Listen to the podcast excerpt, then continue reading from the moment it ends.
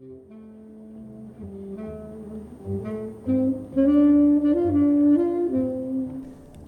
lyssnar på Psykoanalyspodden. Den är för dig som är intresserad av människor, relationer och organisationer. Jag heter Anna Krantz och arbetar bland annat som psykolog, psykoanalytiker och organisationskonsult. Detta avsnitt handlar om Wilfred Bion.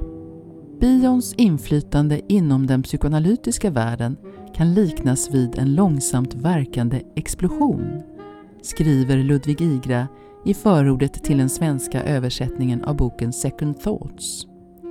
Med mig har jag psykoanalytiker Maria Jassa som under ett decennium studerat och undervisat i bions teorier. Och nu dagens Freud-citat. Känslor som inte får komma till uttryck dör aldrig. De begravs och återuppstår med tiden i en otäckare form. Okej, då är vi tillbaks till ett nytt avsnitt av Pappen, Psykoanalyspodden. Och välkommen Maria Jassa. Tack. Och välkommen Pelle också som är producent för de här avsnitten. Tackar, tackar.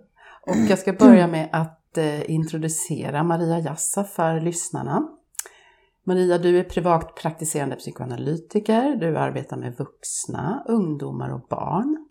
Du är lärare och handledare i Svenska psykoanalytiska föreningens utbildningsinstitut. Och du har under tio år tillsammans med Annika Hirdman Künstlicher haft en intern läseseminarium i bions samlade verk. Ja, det stämmer. Ja, och, och eh, som sagt, eh, det här avsnittet kommer att handla om Wilfred Bion. Ja. Och vi börjar med mannen, alltså vem var Wilfred Bion, Maria? Mm. Vem han var? Wilfred Ruprecht Bion föddes 1897 i Indien, som ju då på den tiden var en brittisk koloni. Och eh, jag vet ingenting om hans föräldrar och det står ytterst lite i sekundärlitteraturen. Men det man vet är att han skickades iväg i ganska tidig ålder till internatskola i England. Så att han blev tidigt separerad ifrån sina föräldrar. Vilket väl på sätt och vis återkommer i hans teoretiserande separation och så att säga vad som händer vid en separation. Ehm, sen så som ung man började han studera medicin i London och jag tror han slutförde sina medicinstudier innan första världskriget bröt ut, där han också tjänstgjorde i, under första världskriget och blev dekorerad för tapperhet i fält. Mm. Jag tror att han också hade påbörjat sina studier till att bli psykoanalytiker på den tiden, men var tvungen att avbryta när första världskriget bröt ut. Men återupptog sina psykoanalytiska seminarier, utbildningen till psykoanalytiker efter kriget och gick då i en utbildningsanalys hos Melanie Klein som ju också är en, en eh, vad ska vi säga, en frontalfigur, en, en, en, stor, en stor teoretiker inom det psykoanalytiska teoretiska godset. Men parallellt med det här eh, och utifrån erfarenheterna i krig och med, som det hette då, shellshocked soldater, vad vi kallar idag PTSD, men som på den tiden kallades granatchock, så växte också hans intresse för att arbeta med grupper, för att han arbetade, vad jag förstår, med grupper av granatchockade soldater, alltså PTSD-soldater. Så att det här fanns ju som ett litet parallellt spår.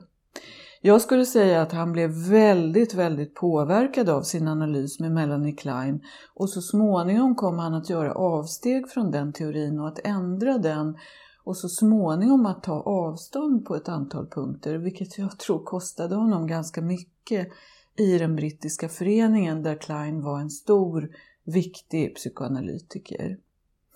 Han var också ordförande i brittiska föreningen under ett antal år, 1962 till 1965.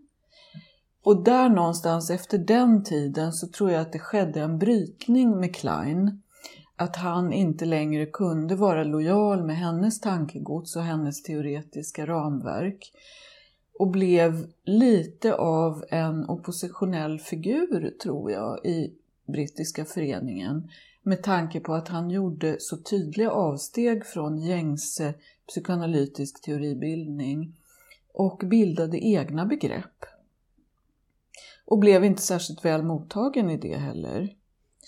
Vilket föranledde att han flyttade till USA där han kände att mottagandet var bättre och arbetade i USA ett antal år. Jag tror att det var Los Angeles. Någonstans i Kalifornien i alla fall. Ja, precis. San Francisco eller Ja. Los Angeles. Han kanske verkade där i de trakterna. Ja, där han blev väldigt inflytelserik också och där det finns väldigt många amerikanska analytiker som så att säga följer i bions teoretiska fotspår. Um, det man också kan säga om bions liv, jag menar, det är ju kantat av tragedier för att första världskriget var ju en tragedi. Och han tjänstgjorde också i andra världskriget som militärläkare, Ja. tror jag. Mm. Ehm, på det privata planet så var det så att han, hans första fru dog i barnsäng, som ju faktiskt var en företeelse på den tiden. Och han blev ensam med dottern, eh, att ta hand om dottern. Så det var ju också en stor tragedi att han förlorade frun och stod ensam med ett litet spädbarn. Ja. Jag minns inte riktigt årtalet för det här, men det var väl någonstans efter första världskriget. Så, så att det är ju ett liv som också inrymmer en del tragedier och svåra separationer från alltså internatskolan, bli vägskickad på internatskola, till att förlora frun i barnsäng, Mm. till de saker han måste ha sett under de två världskrigen. Ja. ja, verkligen. Så att det ja. han eh, har ju varit utsatt för förfärliga trauman ja. ja. på, på det privata planet. Alltså. Ja.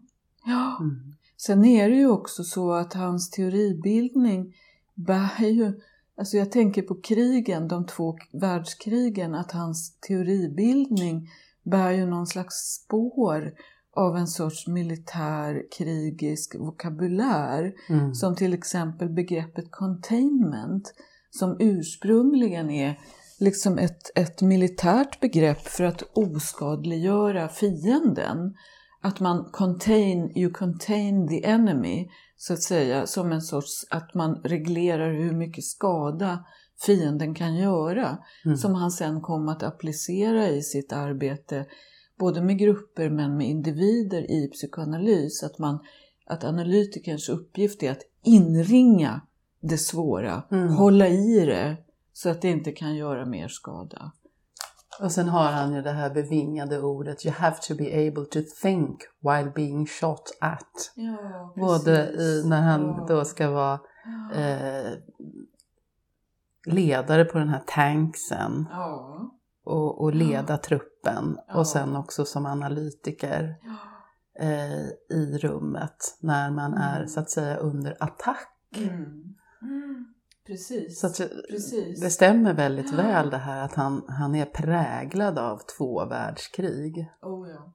Oh ja. och sina egna trauman. ja.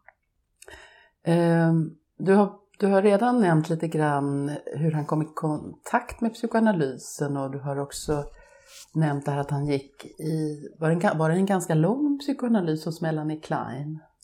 Jag kommer inte ihåg nu, men han gick ju en tidigare analys som avbröts hos en man som jag inte kommer ihåg vem det var. Men hos Melanie Klein, det var hans andra analys. Mm.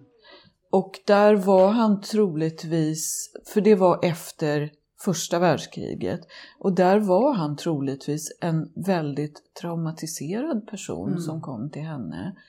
Och där, om man läser sekundärlitteraturen, till exempel James Grottstein som har skrivit om bion, om hans tid i analys som analysant i bion, så har ju han tanken att Melanie Klein inte riktigt var förmögen att se den kraftigt traumatiserade delen av bion.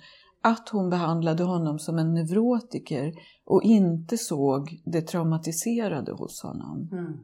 När du säger att Klein bortsåg från traumat, Ja. behandlade man trauma på den tiden eller var det generellt att alla bortsåg från det? Eller tycker du att hon gjorde ett misstag som inte såg det? Nej, jag tror faktiskt att det inte riktigt fanns på den psykoanalytiska agendan på den tiden. Att det är en väldig skillnad att möta en traumatiserad patient eller en neurotisk patient och att det också skulle kunna vara lätt att avfärda en traumatiserad patient för att vara psykotisk, vilket är två väldigt olika saker, tänker jag. Vet du om han gick någon analys efter Kleins? Om han gick en, en ytterligare analys eller det var de här två? Det är de två som är kända. Ja. Sen om man gick en tredje analys, det är väl mycket möjligt, men det är ingenting som jag har stött på i sekundärlitteraturen. Nej. Men vad han däremot gjorde efter analysen med Klein var ju att han började utveckla ett eh, mycket mer självständigt tänkande och ett självständigt teoretiserande som också omfattade såna, sådana aspekter som trauma, som delar av personligheten som inte är kontaktbara, delar av personligheten som inte vill veta. Det han kallade för, alltså hans begrepp K-länken, K som i knowledge, att vi alla har så att säga en fallenhet för att vilja veta, vilket blir plus K, eller att helt enkelt inte vilja veta av vissa saker, vilket är minus K. Mm. Och att förvränga, eh, förhålla sig arrogant till sanningen, till det man vet, till verkligheten. Ja, det är minus K. Heter. Mm. Propaganda Mm. är ju också minus K. Attacker egentligen på vetskap, på kunnande, på verkligheten. Så K skulle man kunna säga att det också är nyfikenhet, genuin nyfikenhet. Ja, Att ta reda på hur saker faktiskt ligger till. Att försöka sträva efter att komma så nära sanningen som det bara går. ja, Att det är K, K-länken då, Ja. knowledge. ja. Ehm, Man kan ju säga att, att eh, Bion, när han så att säga formulerade sin egen teori under loppet av ett stort antal år, så eh, utgick ju han väldigt mycket ifrån Freud och via Freuds metapsykologiska skrifter så omformade han Melanie Kleins tänkande. mm, Och det kostade honom så att säga, vad ska vi säga, han blev rätt illa åtgången i brittiska föreningen för Mm. att han vågade ifrågasätta Klein. mm, Men man kan säga att han omformar Freuds tänkande om drifterna, alltså Freuds slutgiltiga driftteori om eros thanatos, alltså livsdriften och dödsdriften, till den, hans egen version som är länkarna. L för love, H för hate och K för knowledge. Att vi alla förhåller oss till företeelser, människor, alltså vad man i psykoanalytisk vokabulär kallar objekt i vår omgivning genom de här länkarna. Man kan älska och man kan hata, man kan vara nyfiken på, men man kan också vara, förhålla sig på ett sådant sätt att man faktiskt inte är särskilt intresserad av att veta mer. mm, Mm. Genom att förvränga, genom att bedriva propaganda, genom att inte vara förutsättningslös. Jag tänker till exempel en psykopat, låt oss säga en person med psykopatiska drag, är ju högst intresserad av att lära känna hur en annan människa fungerar, men det är med en baktanke. Alltså blir det minus K. Det är inte ett för, vad heter det, förutsättningslöst förhållande till kunskap, utan Mm. det är ett utnyttjande förhållande till kunskap. mm. Just det. Mm. Och apropå eh, det här med hans egna begrepp, för det jag tänker på, apropå att han var ins- först inspirerad av Melanie Klein och, och Mm. hennes begrepp som han också, som jag förstod det, vidareutvecklade som, som är projektiv identifikation. Ja. Alltså de här två begreppen som liksom hänger ihop. Introjektiv identifikation och projektiv Mm. identifikation. Hur skulle du säga att han tog hennes begrepp vidare? Alltså om vi uppehåller oss lite vid projektiv identifikation. Mm. Ehm ja, alltså eh, projektiv identifikation är ju ett kleinianskt begrepp för hur en individ som är befolkad av en outhärdlig känsla eller en outhärdlig impuls eller en outhärdlig önskan helt enkelt gör sig av med den känslan genom att placera den i någon annan. Det är inte jag som vill det är inte jag som vill de här hemska sakerna, det är någon annan. Det är bara för att hon är så konstig och han är så märklig och hela världen så att säga är ur, ur led. Um, och för Melanie Klein blir det på något sätt fokuserat kring en enda person. Hon betraktar det till att börja med som ett rent destruktivt fenomen. Ett rent destruktivt försvar, att man spottar ur sig allt sitt onda och lägger det på någon annan. Och att man identifierar det med den andra. Det är den där Anna som intervjuar mig som vill förvränga allting. Det är inte jag som tappar tråden. Det är hon. Det är hon den dumma. Eh, det är projektiv identifikation. Men medan bion, så att det är ett destruktivt försvar och det är också någonting som sker som bara en person har ansvar för. Den som projicerar. Bion tar det här ett steg vidare och ser det som någonting som sker mellan två personer och som inte nödvändigtvis behöver ha den maligna karaktären utan en kommunikativ karaktär. Att det är någonting som sker redan me- mellan ett ytterst litet spädbarn och dess förälder. Att barnet signalerar att någonting är fel. Föräldern känner in på bara huden att någonting är fel med barnet. Kan betänka detta, tänka att oj oj oj, undrar om det är ont i magen, undrar om hon behöver lite välling, undrar om hon har ont någonstans och ge det tillbaka till barnet på något sätt som blir hanterligt genom att kanske säga att ja, ja, vi ska se om det kanske är så att du behöver byta blöja nu eller om du behöver lite mer välling eller du kanske har sovit lite för lite på din middagslur eller någonting sånt. Då blir det hanterligt så Mm. att säga. Och att det är en kommunikativ process som vi alla håller på med hela tiden. Eftersom vi inte alltid säger rakt ut vad vi vill. Utan du till exempel Anna kan notera om jag kanske ser lite blek ut eller om jag ser lite trött ut. Och så kan du ta ställning till det. Och det är en så att säga godartad projektiv identifikation. Du kan ta ställning till det genom att säga vi kanske tar en paus. Vi kanske eh, Maria behöver lite vatten. Det här är i all enkelhet vardagsprojektiv identifikation. I den analytiska situationen däremot så är det ju inte fullt så vardagligt eller smidigt utan där är det ju patienten som sitter med en känsla, en impuls, en drift som är outhärdlig och som vederbörande låter, i bästa fall tänker jag, för att jag tror att det här är fullständigt nödvändigt, tillåter analytikern att känna av. Jag tänker att så som jag kan känna som analytiker, att plötsligt blir en analytisk timme jobbig, konstig, spänd. Och då kan jag tänka att då är det någonting.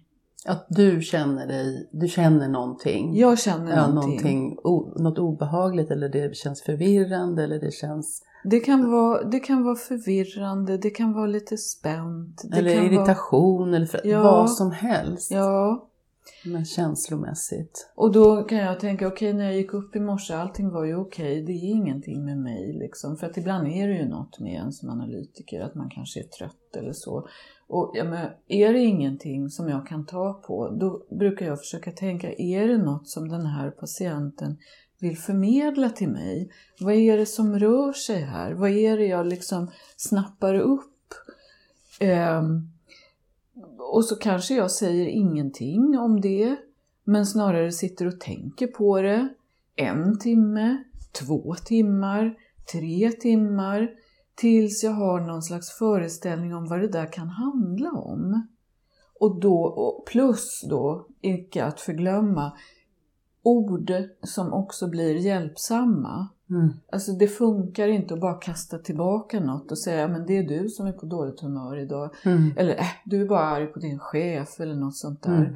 Utan det gäller ju också att kunna formulera det här i ord som patienten, terapipatienten eller analysanden kan ta till sig som gör nytta.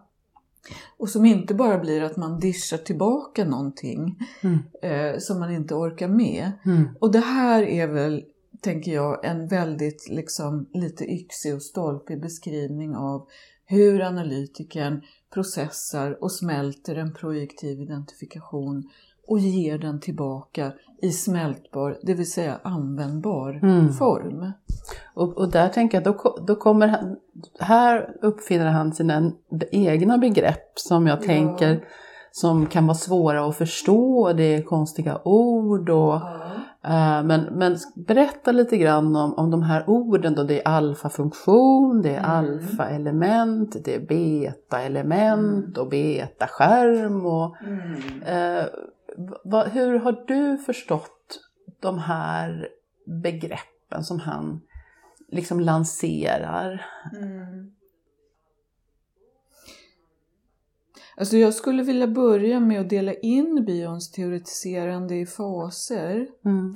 Det finns den tidiga bion som följer ganska nära i Kleins fotspår och som använder hennes begrepp ganska troget. Hennes begrepp för projektiv identifikation, hennes begrepp för delobjekt, hennes tänkande kring psykos. Så småningom, och det här tror jag faktiskt är i takt med att bion arbetar mer och mer med psykotiska patienter med en ganska oförändrad psykoanalytisk teknik. Det vill säga, de kommer, de ligger ner på divanen, de kommer fyra till fem gånger i veckan. Han pratar väldigt lite, han tolkar och han tolkar vad man skulle kunna kalla sättet som personen kommunicerar på. Här någonstans i arbetet med psykotiska patienter återvänder bion till Freud och Freuds metapsykologiska artikel från 1900, jag kommer inte ihåg nu, två principer för mentalt fungerande. Att man kan förhålla sig till verkligheten på två olika sätt. Antingen kan man bara förneka den, säga la la la la la, det där hörde jag inte, det där vet jag ingenting om. Förkastar, förnekar. Ja, och hallucinera sin egen lilla mysiga verklighet. Med andra ord, man kan låta bli att förhålla sig till den verklighet som är. Man kan låta bli att känna frustrationen, man kan låta bli att ingripa i frustrationen för att förändra den. Det vill säga, man kan sluta arbeta med verkligheten och bara gå in i sin egen lilla rosa värld och tänka att allting här är frid och fröjd, jag hör ingenting, jag ser ingenting. Och då blir man i långa loppet psykotisk. Så. Eller så kan man förhålla sig till verkligheten på ett sådant sätt att man tillåter sig att bli frustrerad och se vad det är som frustrerar och att kunna då ha uthålligheten att ändra också på det som frustrerar. Då är man så att säga i ett arbete med verkligheten och man är också i ett tänkande. Ett tänkande som tar hänsyn till verkligheten. Så att det, här är, det här är egentligen basic Freud. Det här tar Bion och utvecklar en egen teori om tänkande som då, där han för in de här två begreppen alfa och beta-funktion.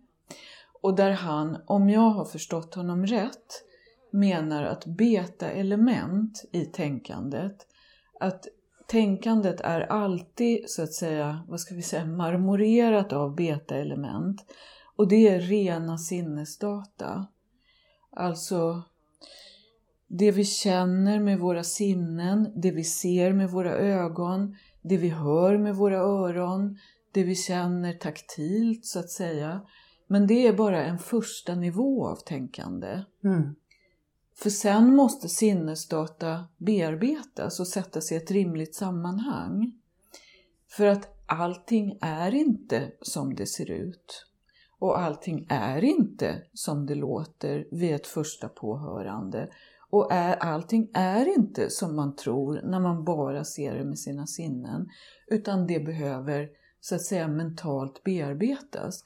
För annars fastnar man bara i att ja, ja, det verkar som att ja, solen skiner, det är säkert jättevarmt ute. Men det är inte så, därför att det är februari. Och då är det inte, trots att det ser soligt och varmt och skönt ut, det är inte det. Utan man måste tänka ett varv till för att inte fastna i sken, så att säga. Här kan jag tycka att bion förhåller sig, alltså i läsningen av hans texter så är han ju ganska, han går ganska hårt åt sinnesdata. Det står inte särskilt högt i kurs Mm. hos honom. Det är bara sinnesdata och det räcker inte. Och där man kan tänka att han, eh, han, han förhåller sig ganska avfärdande mot den kroppsliga erfarenheten. Mhm. Sådär att den är ingenting, så Mm. att säga, om den inte bearbetas. Vilket jag kan känna mig lite kluven till. Mm.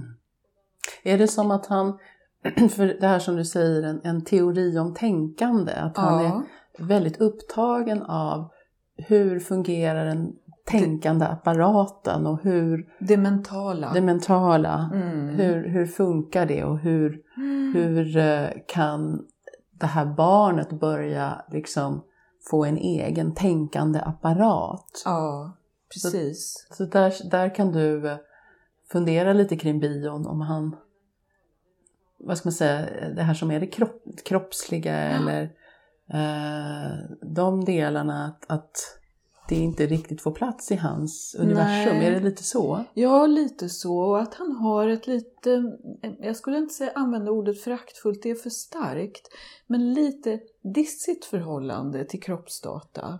Mm. Att de, de är bara rådata, det är alfa-element, så att säga, som behöver arbetas vidare med för att kunna bli beta-element. Eller tvärtom.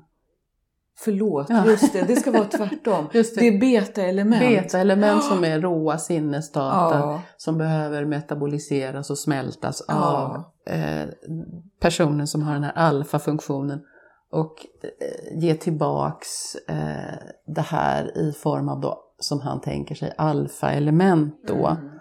Eh, Som går att här, tänka kring som, som, som där, där barnet kan stå ut då med frustrationen Mm. eller ångesten eller ontet i magen eller Ja, precis. att han är väldigt upptagen av, Ja. av den här den tänkande apparaten så att säga. Ja, Ja. jo, och på ett sätt och vis kan jag absolut hålla med om det här. För att det räcker ju med att ha mött människor som har, vad ska vi säga, väldigt, väldigt ont någonstans. Mm.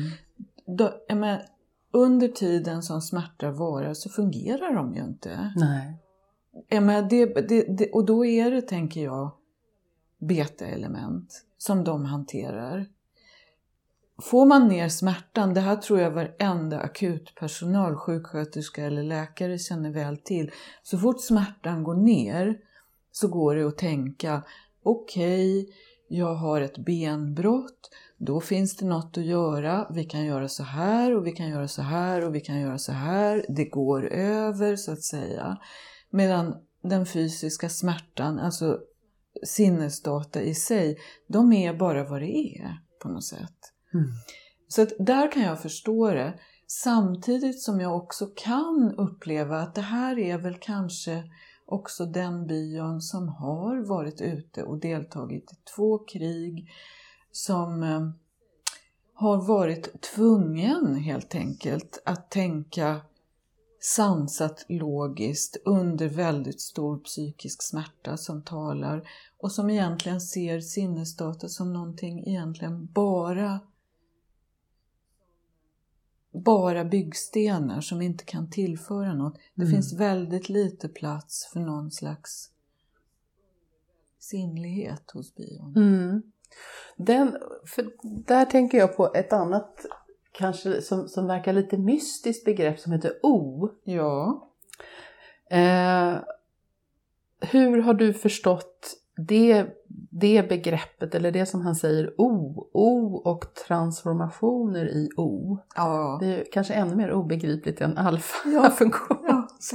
Hur har du förstått det begreppet? Jo, alltså jag tänker att O är väl det, det begrepp som gjorde att bion definitivt liksom blev rynkad på näsan åt i brittiska föreningen för att man upplevde honom som att han då gjorde en ut, utflykt till mysticismen. Mm. För att begreppet O kan tolkas väldigt, väldigt, väldigt flummigt. Mm. Och bitvis är han själv ganska flummig i sitt sätt att, att ehm, teoretisera kring O.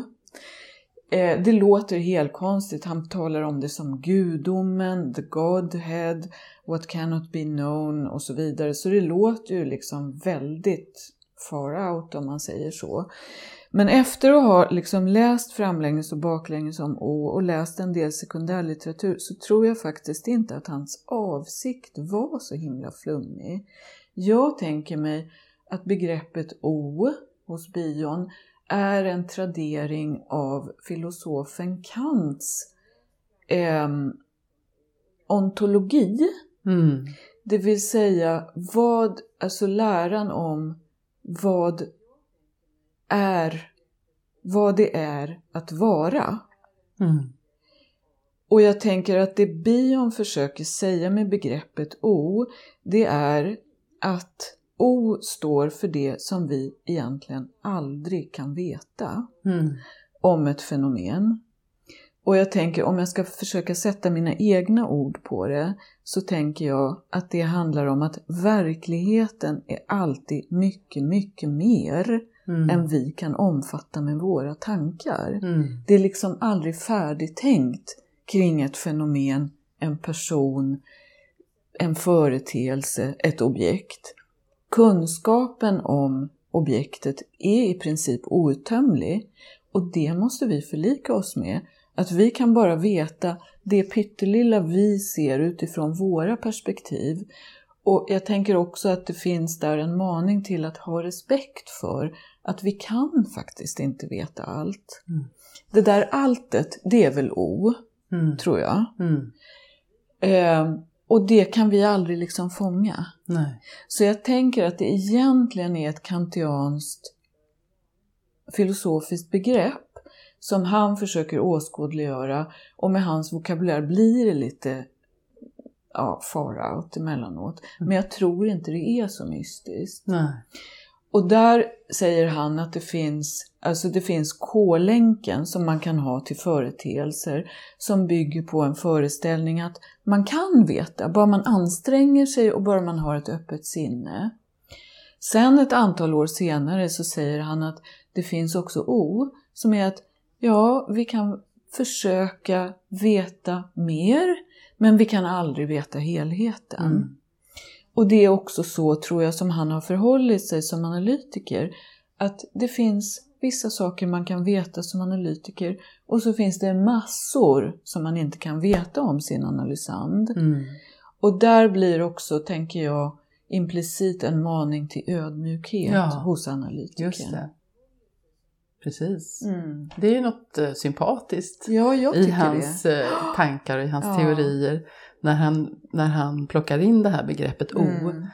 Eh, och det som är med transformationer i O. För jag tänker på det här med, med det psykoanalytiska arbetet och, och den, den förändringsprocess Mm. som pågår eh, egentligen både i analytiken och, i Mm. analytiken och i analysanden. Ja. Alltså de här transformationerna som är så mycket, tänker jag, på ett omedvetet plan. Exakt. Och att de här eh, klyftiga tolkningarna kanske egentligen inte är det som, Nej. som är förändringen Nej. alla gånger. Nej, eh, så, utan, utan det här aktiva, analytikerns aktiva härbärgerande Mm. av det här materialet som är outhärdligt. Kanske då för analysanden eller obegripligt, förvirrande. Och att det kan bli en, en klargörande process. Och där måste, där måste vi också komma in på det här som många undrar över när bion säger utan eh, utan, utan minne och begär och understanding. Att gå in i den analytiska timmen without memory, desire and understanding. Kan du säga någonting om, för det kan folk tycka verkar konstigt. Vad, vad tänker du att han menar? Jag Okej. tänker omedelbart på min faster. Min engelsktalande faster som alltid, hon sa ofta så här, don't jump to conclusions nu. Liksom, så om jag var orolig för något eller om jag trodde någonting så säger han, let's not jump to conclusions. Jag tänker, don't jump to conclusions. Det här må låta väldigt stört, det må låta som en renodlad oidipal situation. Det kan se ut på det ena eller andra sättet, men man behöver inte jump to conclusions. Vänta lite, lyssna lite mer. Det behöver inte vara en följd av det som sades igår. Att, förhålla, att, att vi vill så gärna få liksom till mönster som går ihop utifrån det vi ser, det vi hör, det vi känner, det vi tar i, alltså sinnesdata. Vi vill så gärna få det att gå ihop i ett snyggt mönster och det är fort. Så att vi ibland liksom drar felaktiga slutsatser. Så att, vi, att man som analytiker måste försöka låta bli och vilja få saker gå ihop så himla snabbt. För att det är möjligt att de går ihop men det kanske tar ett år, och, eller två år eller tre år. Och det är bara destruktivt att få dem att knyta ihop dem på ett felaktigt sätt. Att, att liksom för snabbt gå in. Ja. Eh, för, för jag tänker också på ett annat begrepp som han lånade från den här poeten, Keats. Ja. Negative capability. Att ha förmågan att tolerera ovisshet och sväva i ovisshet. Att, jag tänker att hans without memory, desire and understanding kopplar ihop sig med, med Keats begrepp kring negative capability. ja. Att han, han lånar in det lite grann i sitt tänkande. Eh, Förmågan att sitta och vänta på att någonting ska, ha, ska få en form som faktiskt håller istället för att snabbt knyta ihop Ja. någonting. Att, att stå ut med att, att, att det är oklart och förvirrande, kanske ovisst. Ja. Och att, att det får vara så. Ja. Eh, jag tänker, om vi skulle gå lite grann till eh, det sätt du använder dig av, eftersom du ändå har hållit på med bion så länge. Du kanske har lite olika idéer kring bion och så, men, men hur skulle du säga att du har kunnat använda dig rent konkret i din praktik som analytiker av hans tänkande, hans teorier? Alltså jag tänker framför allt att inte falla för sken. Alltså det han skulle kalla hur det ser ut, hur det låter, hur det luktar. Och jag tänker att sken kan ju vara på så många nivåer. Att, att, att orka vänta när någonting känns liksom... Det är inte klart, det är inte redo för mig att säga någonting. För att jag kan faktiskt inte veta det här. Ehm, Och att orka sitta där och vara en person som inte vet så mycket, vilket ju är, jag menar, det, det ser ju inte särskilt glamoröst ut eller flashigt eller Nej. så. Ehm, precis. Nej, precis. utan att, att ehm, sitta där så länge det behövs utan att veta. Och att även om man får höra saker som, som väl är lite som det här bion skulle kalla beskjutning, alltså chockerande saker, skrämmande saker, saker som får en att undra liksom hur den här personen egentligen mår. Att bara sitta kvar och se vad det blir av det här. Mm. Skulle du säga att det, det är egentligen det du beskriver nu är, är hans begrepp eh, reverie? Att, att eh, han, han använder det här begreppet reverie som, som är svårt att översätta men som drömskhet. Att, Ja. att eh, i en relation att den som ändå fungerar som container eh, kan försätta sig i, i det här tillståndet av reverie, det vill säga egentligen det som Freud kanske menar med en, en någon sorts jämnt svävande, jämnt svävande uppmärksamhet och fånga upp någonting. Eh, jag tänker också på Bion när han säger, eh, han är upptagen av ett ord som är svårt att översätta, som jag tror är på fra, franska, debris, eller debris, mental debris. Mm. Alltså någon sorts mentalt bråte. Ja. Att analysanden kommer till timmen och pratar, pratar, pratar. Och, och analytikern försöker liksom fånga upp någonting och hitta någonting i den här mentala bråten. Med den här reverie, drömskheten och hit, liksom hitta någonting i allt det här. Och, och försöka lyfta ut det, lyfta upp det, lyfta fram det.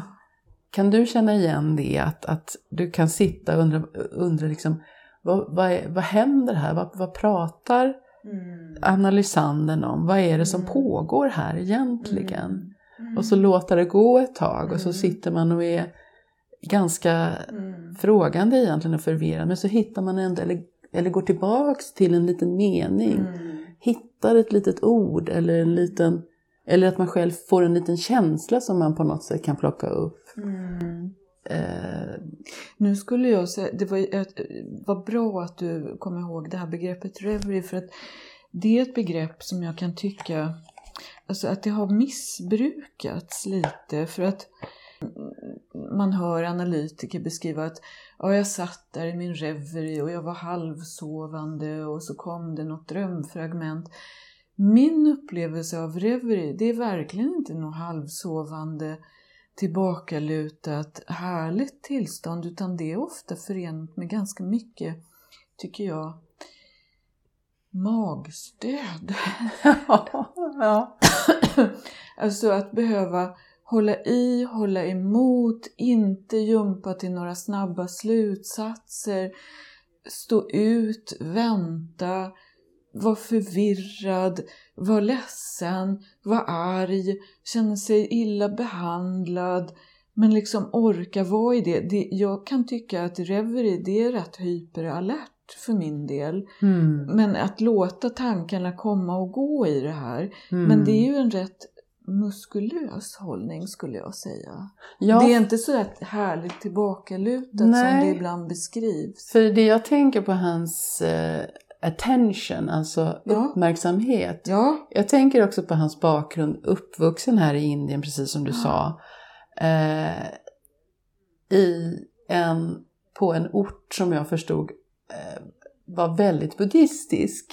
Mm. Och han hade sin mm. aja, alltså ja. barnjungfrun där. Ja. Att han, han, han har säkert tagit intryck av eh, den här buddhistiska traditionen som som nu slarvigt har översatts med mindfulness, men som ja. är attention. Ja. Att vara eh, väldigt medveten, alltså uppmärksam, uppmärksam, ja. uppmärksam eh, på vad som händer i, i mig, i rummet, i, i mm. stunden. Mm. Och, eh, utan att då liksom gripa efter närmsta, som du mm. säger, jump to conclusions. Mm, precis.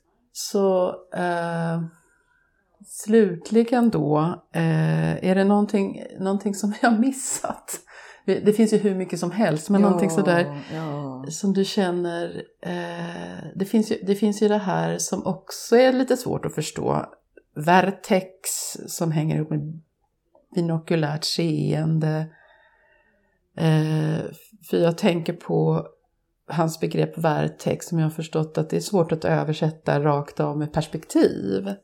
Att kunna mm. ha olika perspektiv på någonting och mm. att kunna se eh, binokulärt seende är ett djupseende. Ja. Alltså har att göra med den här förståelse, en, en sorts djupare kunskap om sig själv eh, i världen.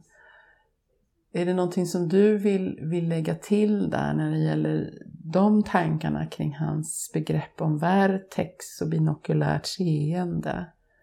Jag har aldrig riktigt förstått vad han menar med vertex faktiskt.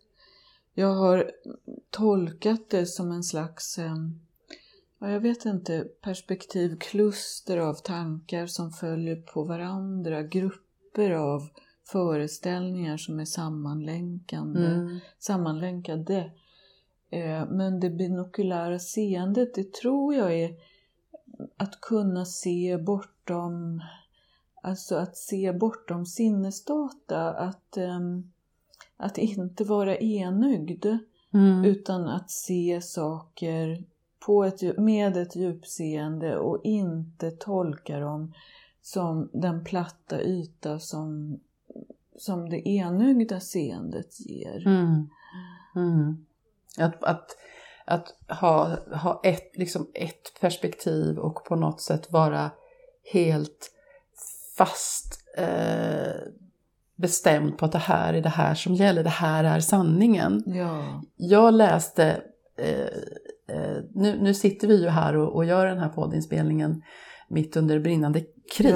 Ja. Så det, det, det är svårt att inte associera till det. Men jag läste, det var en journalist i Sverige, jag kommer inte ihåg vad hon heter, men hon pratade med en kvinna från Ryssland som har bott i Sverige i 20 år och som, fort, som fortfarande hävdar att Putin har rätt, Putin gör rätt.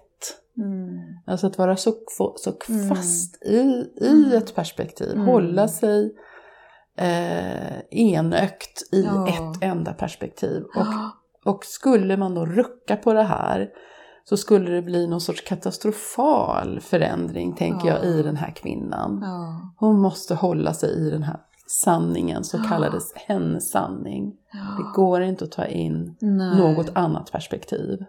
Det är ju ett annat bionskt begrepp, alltså katastrof, katastrofisk förändring. För Ja. jag, jag skulle nog, för katastrofal innebär liksom olycka och fasor och sådär. Mm. Men katastrofisk förändring som en förändring som leder till att man omvärderar väldigt stora delar av sin inre värld. Mm. För jag tänker att om den kvinnan skulle omvärdera sin bild av Putin, Mm. ja hur mycket av det hon har byggt sitt liv på skulle inte rasa Det samman? skulle rasa samman. Ja, och Ja. behöva omvärderas och byggas Ja, nytt. och byggas upp på nytt. Ja. Och det ser vi ju också i sådana tragiska personliga historier som till exempel Benny Fredriksson, tänker Mm. jag. Ja. Det kan man ju, där var det ju en, en, en katastrofal Mm. som det gick inte att härbärgera eller, eller jobba med eller förändra eller hitta Nej. någon väg ut ur. Nej. Så att, eh, mm. det är ytterligare ett begrepp som kommer ja, från bion. precis. Eh, ja, jag känner mig väldigt, väldigt nöjd och tycker att vi har funnit med mycket här Ja, det har vi. kring bion. Men är det någonting som du, du ändå vill tillägga eller som vi har, något som- som vi har missat? Jag kan säga det jag kan tycka lite illa om i traderingen av bions teori så är det ju just den här de här analytikerna som just alltså gör bion till mer flummig än vad han är Mm. och som lägger in väldigt mycket mysticism där jag tror faktiskt att avsikten inte är så mystisk och, utan snarare ett sätt att sätta ord på en väldigt disciplinerad och rigorös analytisk praktik faktiskt. Mm. Där man måste akta sig för frestelsen att dra förhastade slutsatser, att tro att det som är idag nödvändigtvis följer från det som var igår. Jag tänker att det är en, apropå det militäriska, det är en militärisk eh, disciplin som bion beskriver och inte det här lu- flummiga, härliga, liksom här sitter jag och reveriar Mhm. i lugn och ro så får patienten prata på. Mm. Jag tror inte det är det Nej. faktiskt. Nej. Det får bli ett bra sista ord det här. Ja. Så jättetack till dig Maria som, som kom hit och delade med dig av all din Tack. kunskap kring bion. Tack. Tack. Tack till dig Anna Ja, och och, tack- tack. till producenten. Ja, tack.